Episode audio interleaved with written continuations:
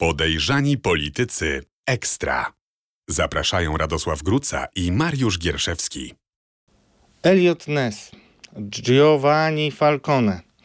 Ludzie, którzy byli symbolami rozbicia układów mafijnych w przeszłości, a dzisiaj za układ mafijny być może wreszcie zabierze się Państwowa Komisja mająca zwalczać przestępstwa e, najbrutalniejsze i najohydniejsze, czyli przestępstwa przeciwko dzieciom. Pani mecenas Karolina Budźko, nowa członkini Komisji e, Państwowej Komisji do Spraw. Z grubej rury powiedziane. No z grubej rury, no bo jest pani pierwszym prawnikiem, e, który po dłuższym momencie zastojów komisji przychodzi i może zająć się tym, do czego komisja została powołana, czyli przede wszystkim wyjaśnianiem spraw e, dotyczących przestępstw seksualnych przeciwko dzieciom e, i wpisywania przestępców do specjalnego rejestru. Czy jest pani na to realnie gotowa i czy ma pani doświadczenie, które pani w tym pomoże? Myślę, że te pytania padły wielokrotnie w dniu wczorajszym podczas mojego przesłuchania e, przed Komisją Sprawiedliwości i Praw Człowieka. Padły już y, również w dniu dzisiejszym wobec mojej osoby i odpowiadam twierdząco. Moje doświadczenie zawodowe, moja empatia, doświadczenie osobiste doświadczenie życiowe, czyli te elementy, które też przyświecają przy, przy ocenie y, kompetencji sędziowskiej, ponieważ no, y, zacznę od końca, biorąc pod uwagę tą kompetencję dotyczącą możliwości wpisów osób, które dopuściły się przestępstw na, na tle seksualnym, y, zanim dojdzie do wydania takiego postanowienia, komisja ma uprawnienia do postępowania quasi-sądowego. Tak naprawdę jest to postępowanie, które w dużej mierze przypomina postępowanie karne przed sądem karnym. W związku z powyższym moje doświadczenie zawodowe, wiedza, doświadczenie i wiedza sali sądowej, praktyka, wydaje mi się, że czyni mnie osobę, która podoła takim obowiązkom. Zastrzegła Pani, że nie chce Pani rozmawiać o tym, co się działo w komisji, ale nie działo się dobrze. Przede wszystkim nie mamy nawet pół wpisu e, do rejestru. Nie były wykonywane e, te prace, które były założone. Mówiono w Sejmie, że brakowało składu e, personalnego. Ciągle jeszcze jeden członek jest nieobsadzony. Jak Pani sobie wyobraża to um, nabranie rozpędu przez e, komisję, bo jest pani pierwszą e, członkinią, która jest wybrana przez nową koalicję, nową sejmową większość. Nominowały panią e, zarówno Koalicja Obywatelska, jak i Lewica, jak i PSL i Polska 2050. Tylko Konfederacja była bardzo niechętna i oczywiście PiS, chociaż ja mam takie wrażenie, że oni, przynajmniej członkowie Komisji Sprawiedliwości, to tak rytualnie byli przeciwko. No, pewnie takie, taka jest dyscyplina głosowania. Ale jak i, to tempo i, złapać, i, pani mecenasko? Znaczy, powiem tak, przede wszystkim jeśli chodzi o kwestię e, mojego wyboru, no to jeszcze chwilę to potrwa. W przyszłym tygodniu e, będę składała ślubowanie przed Wysoką Izbą. No ale na pewno doskonale pan wie, panie redaktorze, że klucz problemu to jest powołanie przewodniczącego komisji, Państwowej Komisji do Spraw Nadużyć Seksualnych. No ciągle panią pytano o to, czy jest pani gotowa, więc mogę powtórzyć, że mówi pani dyplomatycznie, że jest gotowa, ale to nie jest jeszcze pani decyzja. Ja Kto o tym będzie decydował? Powiadam w ten sposób. O tym decyduje Sejm, który wybiera y, przewodniczącego komisji spośród członków komisji. Także Ale prezydium Sejmu. Prezydium Sejmu. W którym nie ma członka PiSu, a nawet gdyby był, to chyba by był przegłosowany. Zobaczymy. To jest kwestia przyszłego tygodnia.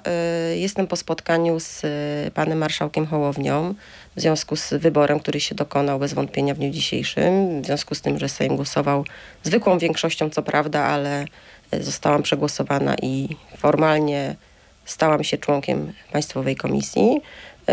Na krótkim spotkaniu z panem marszałkiem również sygnalizowałam problem dotyczący konieczności szybkiego działania w przedmiocie powołania przewodniczącego. Jest to, wydaje mi się, po pierwsze taki jasny sygnał do społeczeństwa, bo z jednej strony to, co tutaj, ja nie jestem politykiem. Głosowały, y, rekomendowały mnie partie polityczne, natomiast tak naprawdę nadal odczuwam na sobie oddech i oczekiwania osób skrzywdzonych. I przede wszystkim czuję się w obowiązku otworzyć tą komisję dla wszystkich osób, które są skrzywdzone, były skrzywdzone w przeszłości przestępstwami związanymi z, no, z przestępstwami, no, no, krótko mówiąc, wynikającymi z kodeksu karnego, a dotyczącymi nadużyć seksualnych, po to, żeby, żeby te osoby miały jasny sygnał, jasną, jasną informację o tym, że komisja jest przede wszystkim dla nich. Komisja ma określone narzędzia. Również y, w dniu wczorajszym, prezentując moją osobę, odpowiadając na pytania pań posłanek, panów posłów, wskazywałam na konieczność pewnych elementów zmian ustawy, po to, żeby ta komisja w gruncie rzeczy zaczęła nie tylko działać naprawdę, żeby opinia społeczna o tym się przekonała, o efektach tej pracy, ale żeby już kompetentnie wyposażyć we wszystkie narzędzia, które taką realną możliwość i sprawczość przede wszystkim do tej komisji wprowadzą. No tej sprawczości w ogóle nie było przez lata, było bardzo dużo mm, pozorowanych y, działań.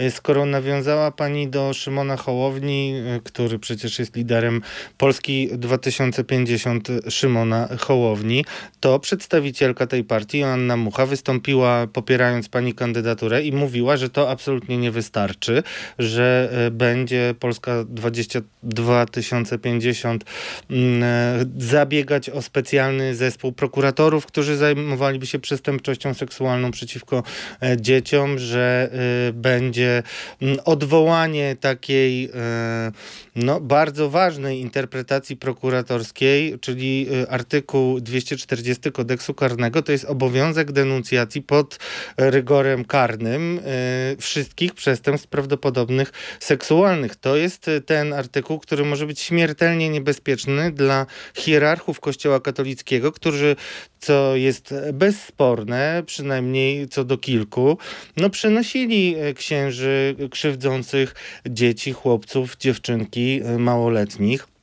Mm, a potem byli chowani w kolejnej parafii i często te sprawy się powtarzały, a y, księża nie byli zgłoszeni. Wcześniej PiS i Solidarna Suwerenna Polska, prokuratorzy Zbigniewa Ziobry, robili wszystko, żeby uchronić y, przed, y, przed oskarżeniem z tego artykułu, czyli obowiązku zgłoszenia hierarchów. Czy to może się zmienić pod nowymi rządami i jak pani jako na razie członkini, a być może przewodnicząca komisji Wiem, że wielu ludzi za panią trzyma kciuki. Jak pani do tego podchodzi? Czy to rzeczywiście jest takie niebezpieczne dla Kościoła?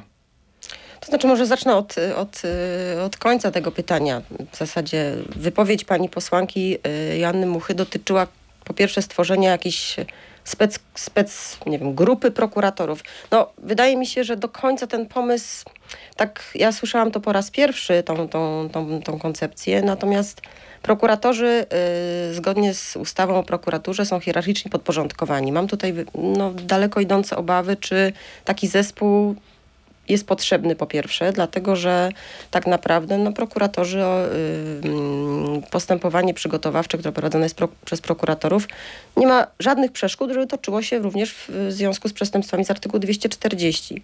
Wydaje mi się, że jeżeli komisja nabierze rozpędu, jeżeli komisja uzupełni swoje kompetencje w zakresie chociażby tutaj tak wrzucę możliwości egzekwowania tych zapotrzebowań, nazwę to tak roboczo i technicznie na y, akta postępowań i to mówimy tutaj zarówno w zakresie zwracania się do instytucji kościelnych, ale też innych instytucji społecznych, państwowych, to tak naprawdę i będzie, będzie w pełni rzetelnie nadzorować postępowania przygotowawcze. Być może będzie konieczność rozszerzenia kompetencji komisji, jeśli chodzi o możliwość brania udziału w, przez komisję w charakterze strony w postępowaniu przygotowawczym, bo takie uprawnienia są ograniczone na razie do postępowania sądowego, ale równie istotne jest postępowanie przygotowawcze, tak żeby prawidłowo skonstruowany i rzetelny, y, oparty na materiale dowodowym akt oskarżenia wyszedł z prokuratury. To po pierwsze. Po drugie, wydaje mi się, że ten postulat y, odnośnie tego, żeby, mm, nie wiem, jakąś, jakimś formem, formą jakiegoś zarządzenia aktu prawnego decydować o tym, żeby prokuratorzy nie, y, nie brali pod uwagę tego tej wykładni prokuratury krajowej, jeśli chodzi o zastosowanie artykułu 240, wobec uchwały Sądu Najwyższego z lipca 2022 roku absolutnie nie widzę takiej potrzeby. Sąd stwierdził, przypomnijmy, że Absolutnie nawet tak. te sytuacje, które zaistniały przed wejściem w życie e, tej e, nowelizacji. Ta wiedza istniała w, w dacie, y, konkretnie w lipcu 2017 roku, czyli to jest data wejścia w życie uzupełnionego a artykułu 240, który również rozszerza tą odpowiedzialność w przypadku przestępstw przeciwko wolności seksualnej i obyczajności, czyli ten cały rozdział 25 kodeksu karnego. E, Co do części artykułów, ale nie chcę tutaj tego rozwijać, bo to, to, to, to, to nie jest w tej chwili najistotniejsze.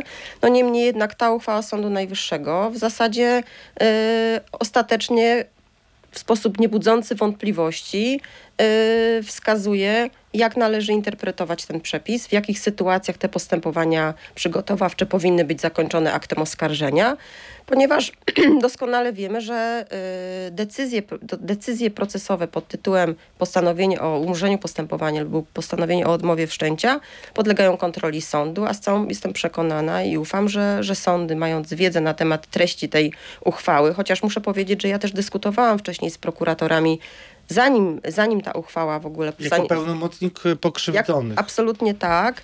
E, również e, popełniałam takie zawiadomienia. One niestety nie spotkały się z aprobatą e, mm, organów ścigania, ponieważ ta argumentacja była, była taka dominująca mimo wszystko, co do kwestii tego, że tej wiedzy nie posiadali, zanim weszły w życie te, te przepisy zmienione.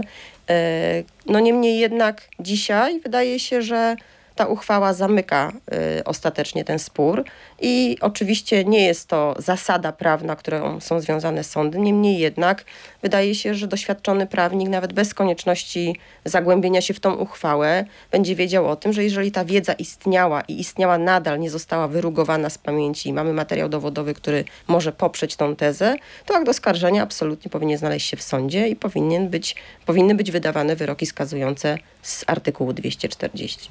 Pani się boi kościoła? Bo pytałem o to, czy kościół się powinien bać, a pani jakoś ten e, wątek kościoła omija. E, Być może mi to umknęło. Nie, nie, nie sądzę, że omijam ten wątek. Natomiast pytanie do adwokata e, o to, czy się czegokolwiek boi, jest e, co najwyżej no nie na miejscu, biorąc pod uwagę to, że nawet w zbiorze zasad etyki zawodowej mamy wskazane, że adwokat musi być odważny i honorowy i staram się reprezentować te wartości.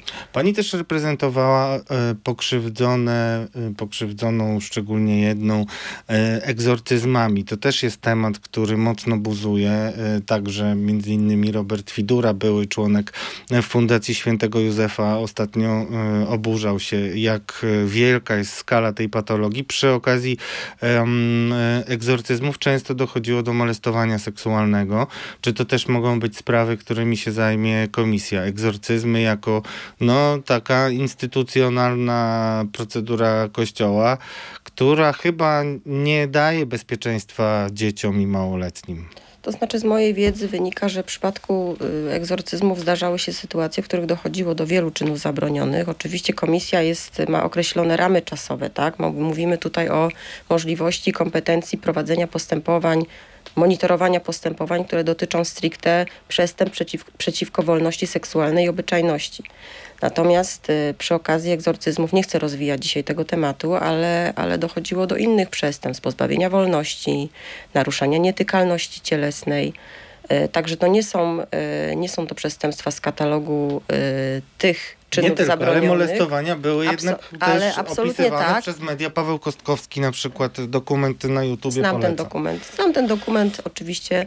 E, także oczywiście można w ramach tych wszystkich czynów, tych historii, również jeżeli jest możliwość wyselekcjonowania tych czynów, którym stricte może zajmować się komisja i oczywiście jest kwestia mm, granicy wiekowej, ponieważ jednak komisja zajmuje się czynami e, nadużyć seksualnych e, wobec osób poniżej 15 roku życia, o tym musimy pamiętać.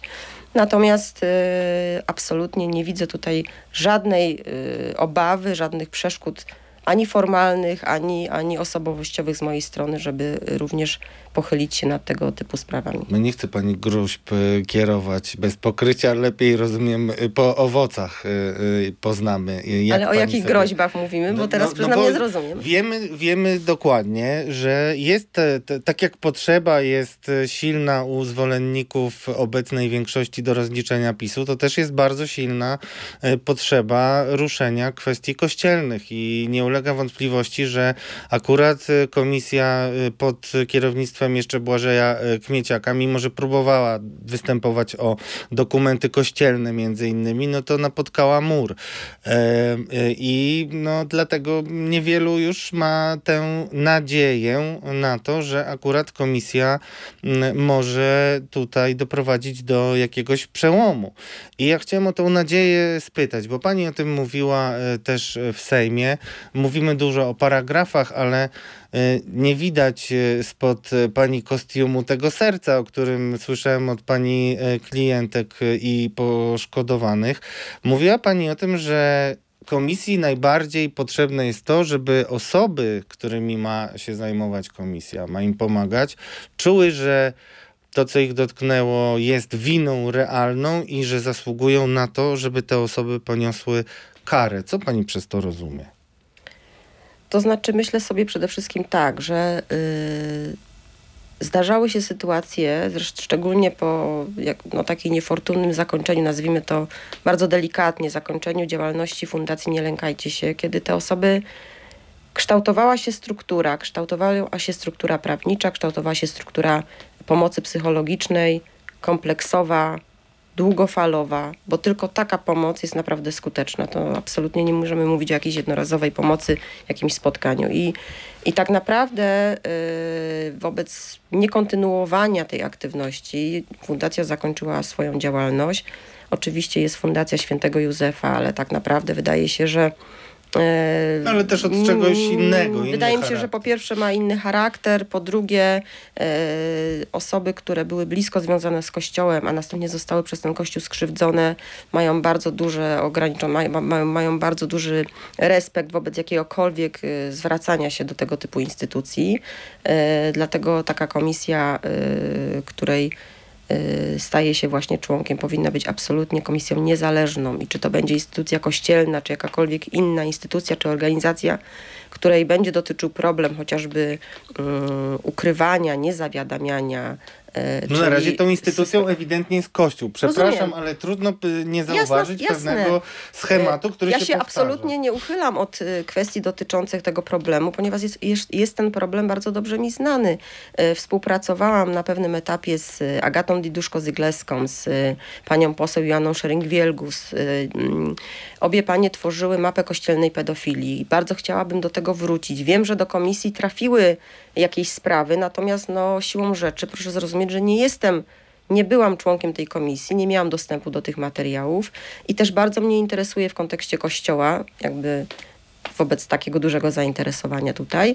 E, bardzo mnie interesuje, o co konkretnie komisja się zwracała, bo śledząc tylko doniesienia medialne, wypowiedzi e, przewodniczącego ówczesnego, pana e, profesora Błażeja Kmieciaka, z jednej strony były informacje o dokumentację, Potem miała być stworzona instytucja, czy też przedstawiciel kościoła, który niejako miał być takim łącznikiem z Kościołem i bodajże biskup Polak został ustanowiony takim, takim czy też pełnomocnikiem, czy przedstawicielem, tak? tak bym to nazwała.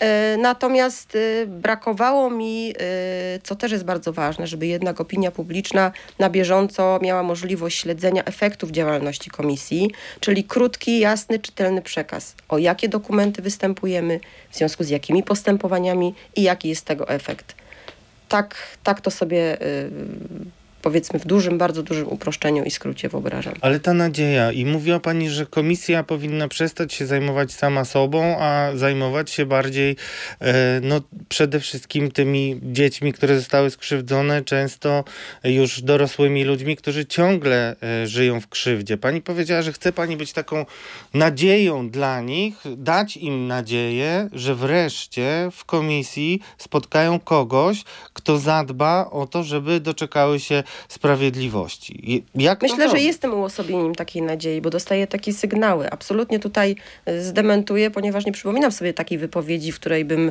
y, gdzieś tam y, kategoryzowała działania członków komisji co do tego, że zajmują się sami, sam, sam, samym nie, sobą. rzeczywiście z tego, z tego to, względu, to że mam zbyt małą wiedzę na ten temat i, i absolutnie nie jestem wewnątrz tej komisji, nie znam tutaj jakby kulis pracy i tego wszystkiego, czym się zajmuje komisja, poza raportami, które, do których oczywiście mamy dostęp.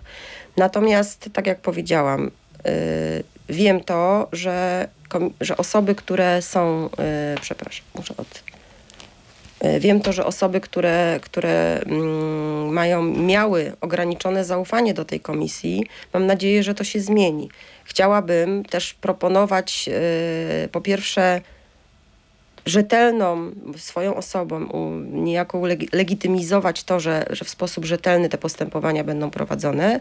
Chciałabym e, pochylić się nad pomysłem, w jaki sposób komisja może się włączyć do pomocy psychologicznej dla tych osób.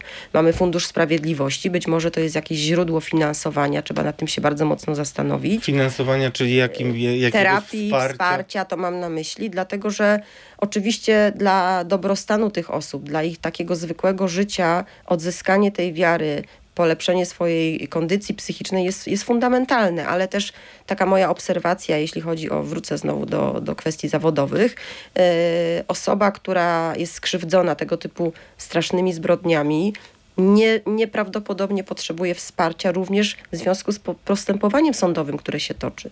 Dlatego, że, że brak tej podbudowy, brak możliwości mm, konsultacji, brak możliwości wsparcia na bieżąco, nawet w trakcie trwania procesu, no, może, być, y, może być wykorzystane przeciwko osobie skrzywdzonej a chciałabym bardzo tego uniknąć. Dlatego podbudowa, zbudowanie takiej osoby, takiej, która, mówię w liczbie pojedynczej, bo, bo staram się jednak patrzeć na każdą osobę skrzywdzoną y, w sposób taki Mm, absolutnie indywidualny. Dużo się mówiło i dyskutowało o tym, jak wycenić y, te krzywdy, y, kiedy trwał proces y, tak zwanej Kasi. Murem za Kasią była taka akcja.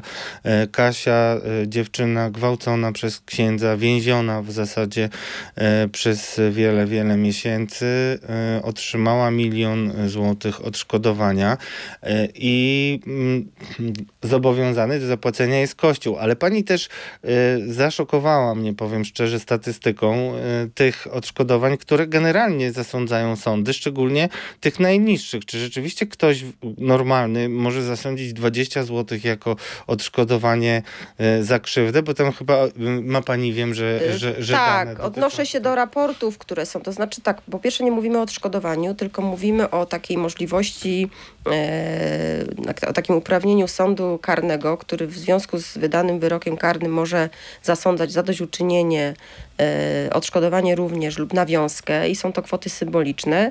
Natomiast... 20 e, zł? E, no bodajże tam było 200 zł, tak? Taka była kwota. 200, no, no ale jest to kwota symboliczna. 220, no Jasne, Państwo, to jest, to jest jakiś to jest, kosmos. No, no, no, no, tak wynika, z, tak wynika z, z danych, które znajdują się w raportach komisji. Natomiast oczywiście nie zamyka, ta, takie niskie kwoty nie zamykają tej drogi do tego, żeby osoby pokrzywdzone mogły domagać się również zadośćuczynienia, czyli Czy to jest za, doznane krzywdy. Pani mecenas? E, powiem tak, nie ma w chwili obecnej takich uprawnień, natomiast e, wiem, że e, komisja dostrzegała ten problem, ponieważ zgodnie z kodeksem postępowania cywilnego mamy możliwość jako organizacja społeczna, tak zwany przyjaciel sądu, wydawać opinie w procesach, które toczą się już teraz stricte z tytułu tego, że dana osoba pokrzywdzona domaga się zadośćuczynienia. I y, taka, taka kompetencja istnieje, ale ona nie wynika z ustawy, tylko wynika z y, kodeksu postępowania cywilnego, czyli z możliwości udziału czynnika społecznego w procesie cywilnym. Y, również no, trudno mi powiedzieć, na ile komisja korzysta z takiej możliwości. Wszystko przede mną, będę to analizować, śledzić, dlatego że patrząc całościowo na ten gigantyczny problem i na tą krzywdę, która, która się działa e, osobom, które zostały skrzywdzone takimi przestępstwami, pomoc psychologiczna, potrzeba e, mentalnego, e, mentalnego uwierzenia, że mamy do czynienia z sytuacją, w której sprawca poniesie odpowiedzialność karną, ale wydaje mi się, że również ta kwestia dotycząca i, i kazus tutaj Kasi, jeśli chodzi o to milionowe odszkodowanie, też jest bardzo ważna, dlatego że tak naprawdę wydaje mi się, że nie wymyślono żadnej innej formy realnej rekompensaty, biorąc pod uwagę nierzadko czyny, które były przez lata wobec takich osób realizowane, czyny przestępcze, mam na myśli tutaj przestępstwa przeciwko wolności seksualnej i obyczajności. Także, także to też jest element, którym w mojej ocenie komisja powinna się zająć. Być może jest to y, kwestia wymagająca nowelizacji tej ustawy. Nie potrafię na ten moment tego powiedzieć, natomiast z całą pewnością jest to, y, biorąc pod uwagę obecnie obowiązujące przepisy, mamy, komisja ma takie uprawnienia, żeby również zainteresować się tymi procesami i wspomóc, mimo że nie jest stroną w tym postępowaniu, wspomóc y, pokrzywdzonych, tak, y, pokrzywdzonych przestępstwami. Natomiast tylko jeszcze zwrócę uwagę na to, że oczywiście wyrok karny skazujący wiąże sąd cywilny, jeśli chodzi o dochodzenie takich roszczeń, natomiast też niebagatelną rolę będą miały postanowienia o wpisie osoby sprawcy na, do rejestru osób, sprawców przestępstw związanych z nadużyciami seksualnymi i też taki wpis w zakresie ustaleń dowodowych może bardzo mocno pomóc w dalszym dochodzeniu roszczeń już na drodze cywilnej. Jeszcze mam taką obserwację, nie wiem czy pani o tym myślała. Dziwi mnie bardzo to, że komisja y, może przystępować dopiero do y, postępowań, które już trafią do sądu, a nie jest y, możliwe, żeby komisja występowała w czasie, kiedy szykuje się ten, ten akt oskarżenia, co jest bardzo istotne. A drodzy Państwo, z mojego doświadczenia mogę powiedzieć, że znam historię śledztw prokuratorskich, które zawierały różne, bardzo mocne e, informacje i e, dowody, które później nie trafiały przed sąd z różnych powodów. I ja nigdy nie umiałem też e, wyciągnąć jako dziennikarz odpowiedzialności jakiejś od tych osób, które tak, a nie inaczej oceniały materiał dowodowy. Czy uważa pani, że czy, czy to może rzeczywiście takie były intencje ustawodawcy, żeby no, nikt nie patrzył prokuratorom Zbigniewa Ziobry na ręce, którzy jak wiadomo mieli określone i sympatyczne i ciepłe relacje z hierarchami kościelnymi.